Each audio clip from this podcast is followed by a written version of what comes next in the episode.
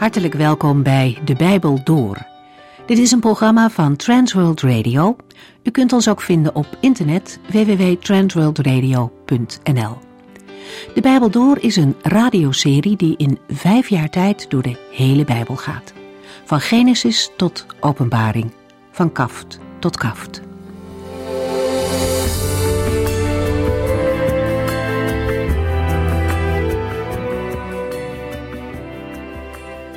Graag wijs ik u even op onze website transworldradio.nl. Daar vindt u veel informatie over het werk van Transworld Radio, maar u kunt daar ook meer vinden over deze serie De Bijbel Door. U kunt trouwens ook afleveringen beluisteren die u misschien gemist heeft. Corrie u kent haar vast wel. Zij heeft een keer gezegd, ik heb geen groot geloof, maar ik heb een grote God. En dat kenmerkt ook de lange rij van mensen over wie we in de laatste uitzendingen hebben nagedacht. De geloofsgetuigen uit het elfde hoofdstuk van Hebreeën. Ze hebben bijzondere en grootse wonderen meegemaakt. Zij hebben dingen gedaan waar wij ons soms haast niet eens iets bij voor kunnen stellen. Het waren dappere mensen die alles over hadden voor hun geloof. Mensen die niet opgaven, zelfs niet toen sommigen van hen de marteldood stierven. Allemaal vertrouwden ze op de Heere God, die ze niet fysiek konden zien, maar in geloof hielden ze hem voor ogen. De schrijver van deze brief geeft de lijst als voorbeeld voor christenen van nu, om ons aan te moedigen om ook volledig op de Heere te vertrouwen. Vandaag beginnen we in hoofdstuk 12, waar hij zegt dat we met volharding onze wedloop moeten blijven lopen, terwijl we zien op Jezus, die ons de weg wijst en ons einddoel is. Net zoals de oud-testamentische gelovigen en ook de Jezus zelf met vijandschap te maken hadden, krijgen ook christenen te maken met weerstand. In het ene gebied is die tegenstand groter of anders van aard dan in andere, maar overal hebben christenen ermee te maken. De Bijbel moedigt ons aan om onze hoop te blijven vestigen op de Heer Jezus en het geloof niet los te laten als er strijd is. Aan het eind van Hebreeën 11 lezen we dat de gelovigen uit vroeger tijden de definitieve vervulling van Gods belofte tijdens hun leven nog niet ontvingen, omdat alles wachtte op het verzoenend offer van Jezus Christus. Hij moest als eerste volmaakt worden, dat wil zeggen Gods heerlijkheid binnengaan. En nu Christus gezeten is aan de rechterhand van God de Vader, is deze heerlijkheid voor alle gelovigen binnen bereik. Laten we verder lezen in Hebreeën 12.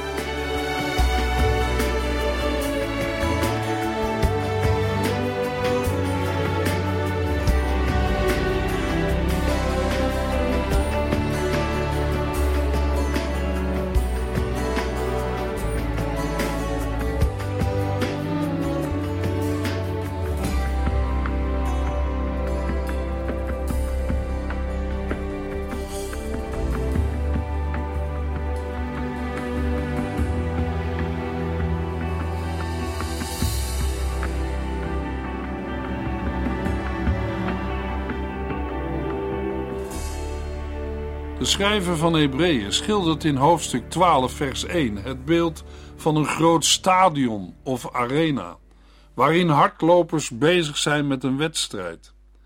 We lezen in Hebreeën 12, vers 1: Nu zo'n grote menigte van getuigen ons ziet en aanmoedigt, moeten wij alles afleggen wat ons hindert en ons bevrijden van de zonde die zich aan ons vastklemt. Wij moeten de wedstrijd voltooien die voor ons ligt zonder op te geven. In vers 1 worden de gelovigen van u voorgesteld als lopers in een wedstrijd. De wedstrijd is nog niet afgelopen, maar is nog in volle gang. De lopers hebben nog een heel stuk voor zich. Vanaf de tribunes kijken de geloofshelden uit het verleden toe en moedigen de hardlopers aan om vol te houden en de wedstrijd uit te lopen. Het gaat in vers 1 om een beeldspraak. De schrijver van het Bijbelboek Hebreeën zegt nog niets over de toestand waarin de geloofshelden van vroeger zich bevinden. Maar ze hebben het eind van de race al bereikt. Toch zal, bij wijze van spreken, de prijsuitreiking op hetzelfde moment plaatsvinden als van de huidige lopers. In Hebreeën 11, vers 40 hebben we gelezen: Zonder ons zullen zij de volmaaktheid niet bereiken. Dat wil zeggen, zonder ons zullen zij de beloning niet ontvangen. Ook suggereert de schrijver hier niet dat de geloofshelden van vroeger tijd met de gelovigen van vandaag communiceren. Zij bemoedigen de gelovigen van nu met hun voorbeeld, met hun getuigenis, zoals dat van Gods wegen in de Bijbel is opgeschreven. Hun toejuichingen en aanmoedigingen zijn de woorden uit de Bijbel, die uit hun mond of over hen zijn opgeschreven. Zo spraken zij als het ware in het heden. Op de eretribune zit de Heer Jezus naast God de Vader. Op hem moeten zij letten. Eens liep hij ook de wedloop van het geloof. Hij moest tijdens die geloofswedstrijd zelf door de dood aan het kruis heen. Maar hij ging verder door het geloof. Hij geloofde in de prijs, de vreugde welke voor hem lag, namelijk de ereplaats naast God de Vader. Niet voor niets heet hij hier degene die ons de weg wijst, of, zoals we in andere vertalingen lezen, de leidsman en voleinder van het geloof. Hebreeën 12, vers 2. Daarbij moeten wij blijven kijken naar Jezus, die ons de weg wijst. Hij is het doel van ons geloof. Hij kon zich aan het kruis laten slaan en de schande negeren, omdat hij wist welke blijdschap hem te wachten stond. En nu zit hij aan de rechterzijde van de troon van God. Wegwijzer of leidsman zijn houdt in dat de Heer Jezus Christus de eerste was van een groep die hem volgt. Hij is het doel van ons geloof. Dat wil zeggen dat hij als eerste het volledige doel van de geloofsweg bereikte, namelijk de heerlijkheid van God. We lazen: En nu zit hij aan de rechterzijde van de troon van God. Precies dat doel moet de lezers van Hebreeën, maar ook ons voor ogen staan. Het doel van ons geloof moet ons voor ogen staan als de zonde ons van het volgen van Jezus Christus aftrekt. Dit doel moet ons voor ogen staan als tegenstanders onze levensweg lijken te versperren met vervolging en verdrukking. Met de zekerheid en het uitzicht op de blijdschap die ons te wachten staat, zullen gelovigen vandaag, in navolging van de Heer Jezus Christus, door de verdrukking heen gaan, omdat er aan het eind van deze wedloop van het geloof een beloning is, namelijk eeuwig bij Hem te zijn, in Zijn heerlijkheid. We lazen in het eerste deel van Hebreeën over het gevaar van af te drijven van het geloof. Dat wil zeggen van alleen maar hoorders te zijn en verder niet door te groeien in het geloof. In het laatste deel van Hebreeën waarschuwt de schrijver de gelovigen voor het gevaar om stil te staan. Hij zegt: Wij moeten de wedstrijd voltooien die voor ons ligt, zonder op te geven. Een van de grootste gevaren in het leven van een christen is stagnatie of zelfs stilstand van het geestelijk groeiproces. De apostel Paulus schrijft aan de gelovigen te Korinthe in 1 Korintiërs 3 vers 1 tot en met 11 Broeders en zusters, toen ik bij u was, kon ik u nog niet toespreken als geestelijke mensen. U leidde uw eigen leven en deed uw eigen zin. Uw verhouding met Christus was nog zo pril dat ik u alleen maar melk kon geven. Vast voedsel was te zwaar voor u, en dat is helaas nog steeds het geval.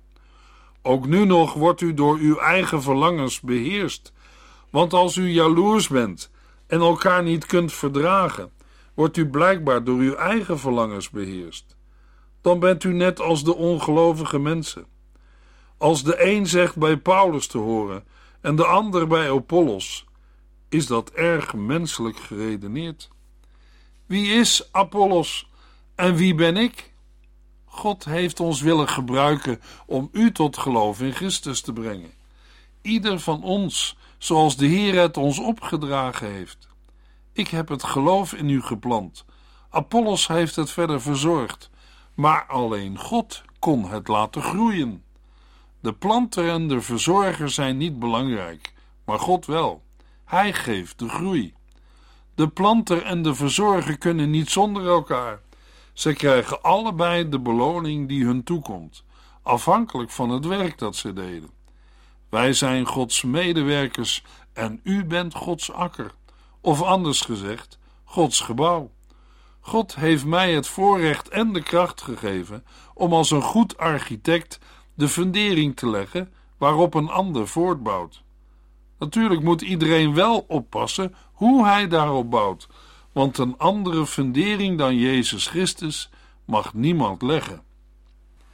In Hebreeën 5, vers 12 tot en met 6, vers 6 lazen we ook al over deze dingen.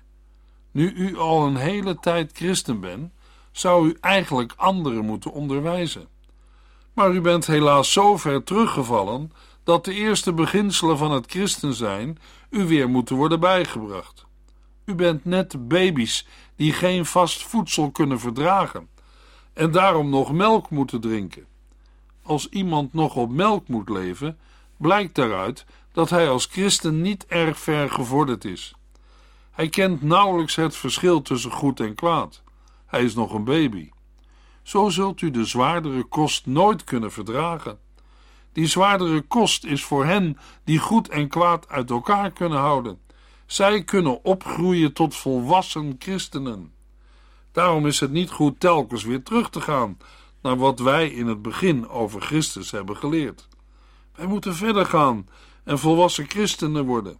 Het heeft weinig zin er nog eens over te beginnen dat wij ons moeten afkeren van daden die tot de dood leiden, maar dat wij op God moeten vertrouwen.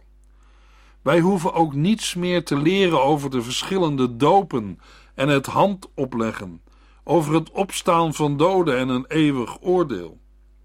Als de Heer het goed vindt, zullen wij nu verder gaan met andere dingen. Als iemand God de rug heeft toegekeerd, kan hij niet weer van voren af aan beginnen. Hij heeft het goede nieuws gehoord en iets van het hemelse geproefd. Hij heeft aan de Heilige Geest deel gekregen. Hij weet dat het goed is wat God heeft gezegd. En hij heeft ervaren wat voor krachten er in de komende wereld werken. Door God de rug toe te keren, kruisigt zo iemand de zoon van God eigenlijk opnieuw en maakt hij hem bespottelijk. Maar een gelovige moet juist blijven kijken naar Jezus. Als iemand verdwaald raakt in de extreme kou van de Noordpool, dreigt er het grote gevaar van doodvriezen. Een eerste dreiging is dan het gevaar van in slaap vallen. Een mens moet dan tegen de slaap vechten en moet blijven bewegen om warm te blijven en doodvriezen te voorkomen. In geestelijk opzicht is het gevaar voor een gelovige hetzelfde. Wij moeten onszelf dwingen om wakker te blijven en blijven bewegen in onze relatie met Christus. Anders vallen we in slaap en vriezen we geestelijk dood.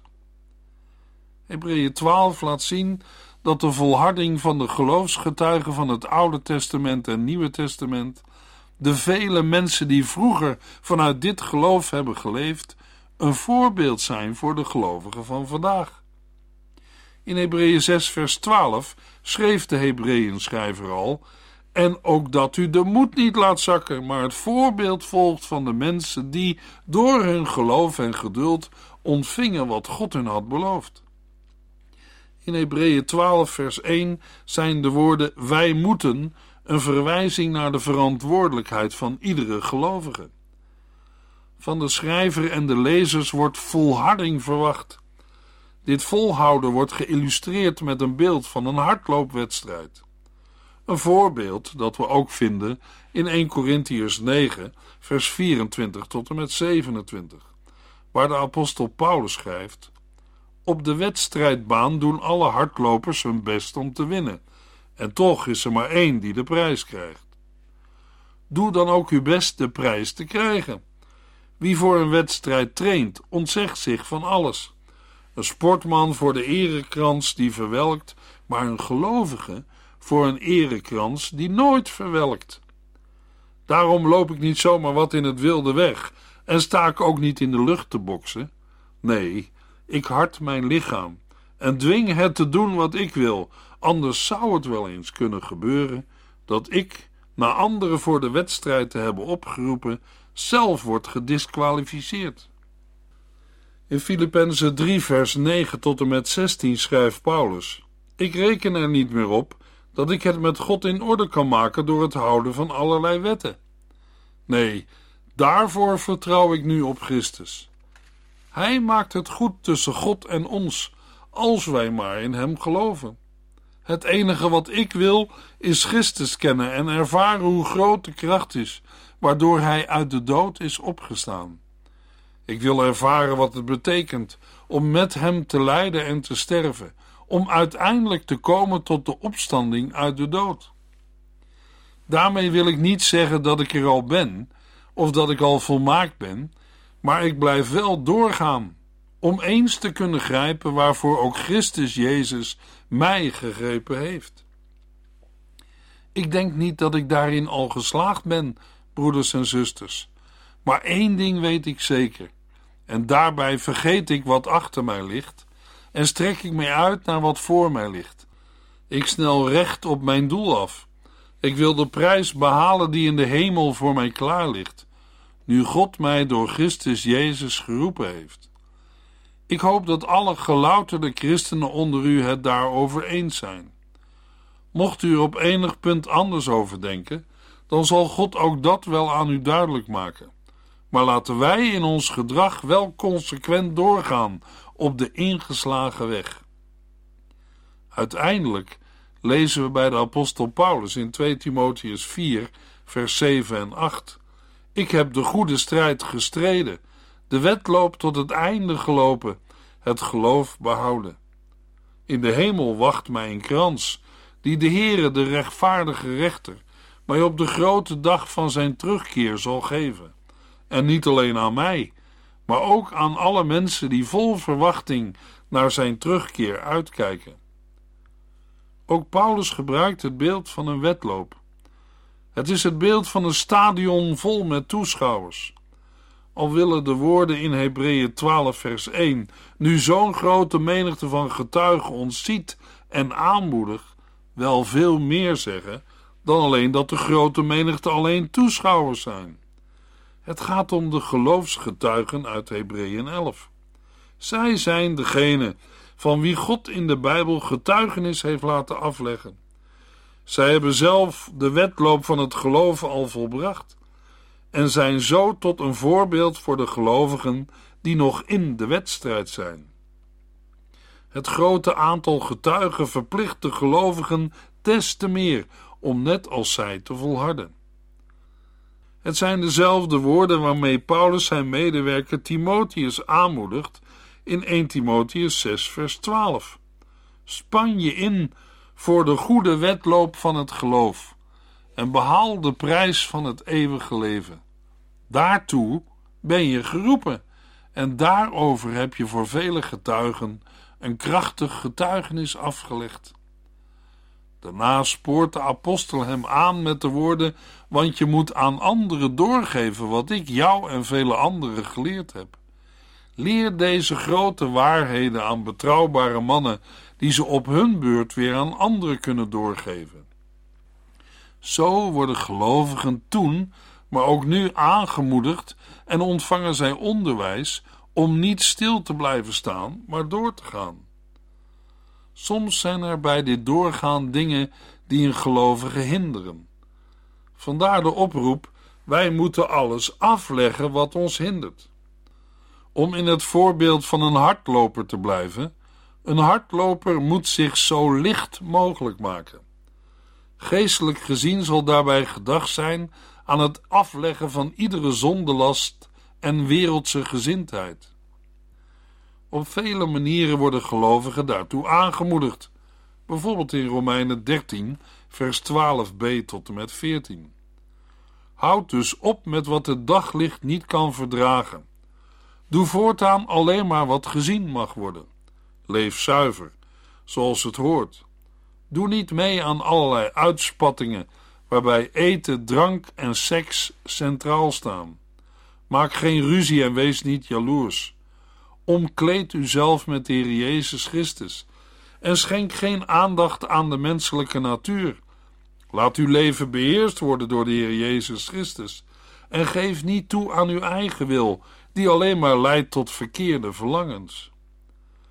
Binnen het verband van het Bijbelboek Hebreeën gaat het daarbij ook om het afleggen van de ceremoniële wetten van het oude verbond. In Hebreeën 9 vers 10 lazen we over deze wetten. Het ging alleen om bepaalde gebruiken, wat men wel of niet mocht eten en drinken, waarom en hoe men zich moest wassen. De mensen moesten zich eraan houden, zolang Christus nog niet met Gods nieuwe, betere verbond was gekomen. De schrijver van Hebreeën moedigt zijn lezers en ook ons aan met de woorden: Leg alles af wat u hindert en bevrijd u van de zonde die zich aan u vastklemt. Het karakter van de zonde is dat de mens erin verstrikt raakt. In Matthäus 13, vers 22 geeft de Heer Jezus er een voorbeeld van. Dan zijn er mensen die het goede nieuws horen, maar het laten verstikken door de zorgen van het leven en het verlangen naar geld. Eigenlijk doen ze niets met het goede nieuws dat ze hebben gehoord. Dit soort mensen lijkt op de grond die vol distel staat. Als er in het leven van een mens een periode van moeite, pijn en verdriet komt, dan is er juist behoefte aan steun en iemand die met je mee kan voelen en de weg wijst. Ook op geestelijk gebied heeft een gelovige daar behoefte aan. De woorden van Hebreeën 12, vers 2 blijven daarbij actueel en geven concrete aanwijzingen. We lazen: Daarbij moeten wij blijven kijken naar Jezus, die ons de weg wijst. Hij is het doel van ons geloof. Hij kon zich aan het kruis laten slaan en de schande negeren, omdat hij wist welke blijdschap hem te wachten stond. En nu zit hij aan de rechterzijde van de troon van God. Niet alleen de grote menigte van getuigen moedigen door hun voorbeeld de gelovigen aan, bovenal zal het geloof van de Heer Jezus zelf hun tot steun zijn. De gelovigen moeten alleen hun oog op Hem richten. Daarbij gaat het om een blijvend kijken. De woorden vormen een voortdurende opdracht. Ook uit de woorden die volgen blijkt de noodzaak van een voortdurend kijken. Als iemand de weg wijst, moet je hem niet uit het oog verliezen. Jezus Christus is de leidsman, de aanvoerder, de eerste. Het houdt ook in dat Jezus Christus, de gelovige, in het geloof is voorgegaan, zodat we hem kunnen volgen. Hij heeft op de weg van het geloof het einddoel bereikt. Met de schande negeren wordt bedoeld dat het sterven aan het kruis, een schandelijke manier van sterven, voor Jezus niet opwoog tegen de blijdschap die hij zou ontvangen. Blijdschap is net als in Jezaja een teken van de messiaanse heerlijkheid. De Heere laat de profeet Jezaja in hoofdstuk 55 vers 6 tot en met 13 verkondigen: Zoek naar de Heere, zolang hij zich nog laat vinden. Roep tot hem, nu hij nog dichtbij is. Laten de overtreders hun slechte wegen verlaten en elk plan tot zondige uit hun gedachten bannen. Laten zij naar de Heere onze God terugkeren. Dan zal Hij zich over hen ontfermen, want Hij vergeeft grenzeloos veel. Mijn plannen zijn niet dezelfde als die van u, en mijn gedachten zijn niet uw gedachten. Net zoals de hemel hoger is dan de aarde, zo zijn mijn wegen hoger dan die van u. Evenzo zijn mijn gedachten hoger dan de uwe. Zoals de regen en de sneeuw vanuit de hemel naar beneden komt en op de grond blijft liggen om de aarde water te geven, het koren te laten groeien, zaad voor de boer en eten voor de hongerigen te produceren. Zo is mijn woord ook. Ik stuur het uit en het levert altijd vrucht op. Het doet alles wat ik wil en bereikt datgene waarvoor ik het wegstuur. U zult in blijdschap en vrede leven. De bergen en heuvels, de bomen op het land, de hele wereld om u heen, zullen blij zijn. Waar eens doornstruiken groeiden, zullen cipressen staan.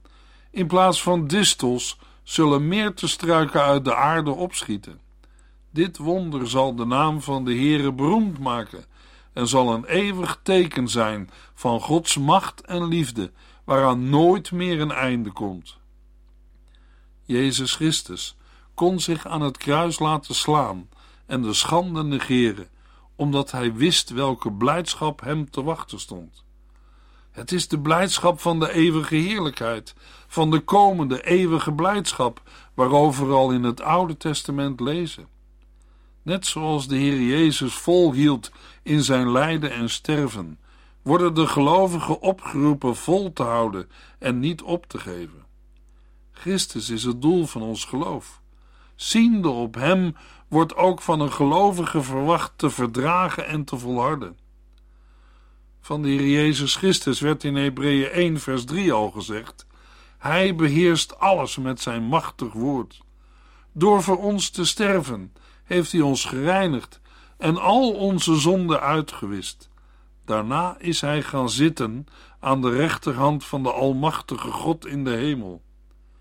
God de Vader heeft tegen hem gezegd: Kom naast mij zitten, aan mijn rechterhand, totdat ik uw vijanden aan u onderworpen heb. Ook in Hebreeën 8 en 10 lezen we over het zitten van Christus aan de rechterhand van God. In Hebreeën 8, vers 1 lezen we: Christus is onze hoge priester.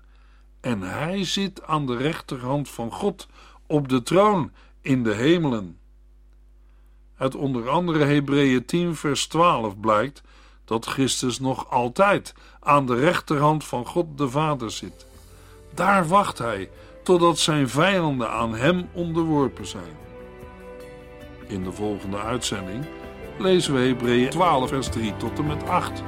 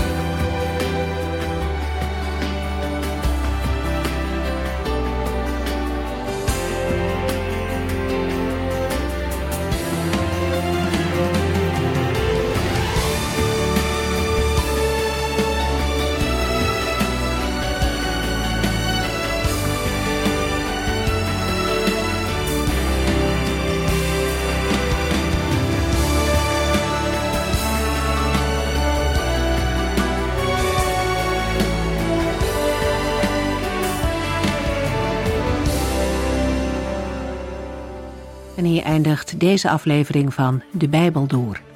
Een serie programma's van Transworld Radio. Wilt u ons iets vragen of meer weten? Dan kunt u altijd contact met ons opnemen. Bellen kan overdag met 0342 478432. Per post Transworld Radio. Postbus 371. Postcode 3770. Anton Johannes in Barneveld. En e-mailen kan ook. De Bijbel door at transworldradio.nl En natuurlijk ook via onze website transworldradio.nl Dit programma werd gepresenteerd door Cor Weda en Ike André. En namens iedereen die er nog meer aan meegewerkt heeft, graag tot de volgende keer.